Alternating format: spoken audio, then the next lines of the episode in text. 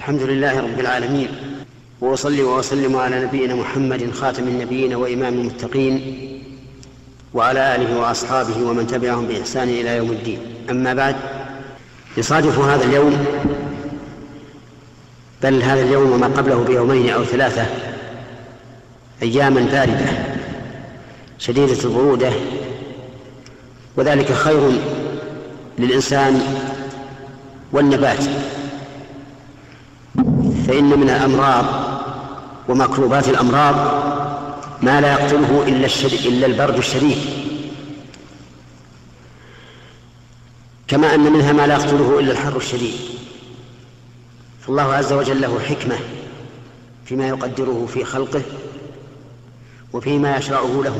فكما أنه عز وجل حكيم في شرعه فهو كذلك حكيم في قدره.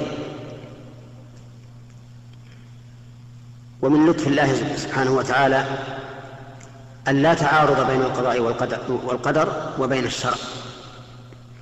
فكلما اشتد القضاء والقدر خف من الشرع ما يناسب ذلك ما يناسب تلك الشدة. ومن الأمثلة على ذلك أنه إذا اشتد البرد مع ريح تؤذي الناس فإنه يجوز للإنسان أن يجمع بين الظهر والعصر وبين المغرب والعشاء. لما ثبت في صحيح مسلم عن عبد الله بن عباس رضي الله عنهما أن النبي صلى أن النبي صلى الله عليه وآله وسلم جمع في المدينة من غير خوف ولا مطر. قالوا لابن عباس ما أراد إلى ذلك؟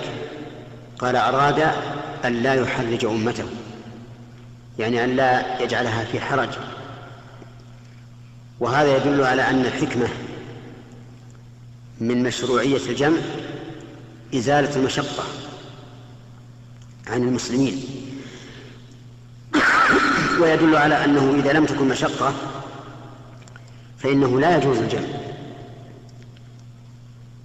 والمشقة في البرد إنما تكون إذا, ما إذا كان معه هواء. ريح باردة. أما إذا لم يكن معه هواء فإن الإنسان يتقي البرد بكثرة الملابس ولا ولا يتأذى به. ولهذا لو سألنا سائل هل يجوز الجمع بمجرد شدة البرد؟ لقلنا لا. لا يجوز إلا بشرط أن يكون مصحوبا بريح باردة تؤذي الناس. أو إذا كان مصحوبا بنزول الثلج. فإن الثلج إذا كان ينزل يؤذي بلا شك. فحينئذ يجوز الجمع. أما مجرد البرد فليس بعذر يبيح الجمع. فمن جمع بين الصلاتين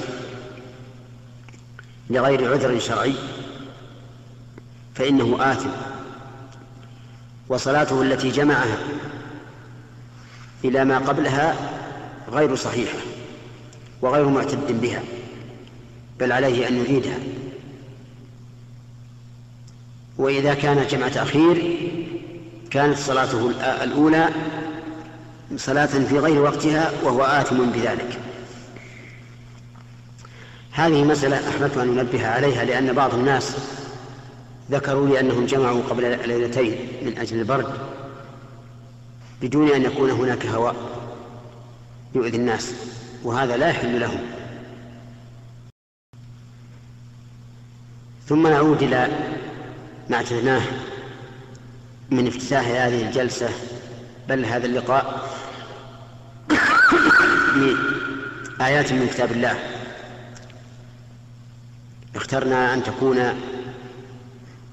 آيات الجزء الأخير من القرآن لكثرة تردده على المسلمين في صلاتهم.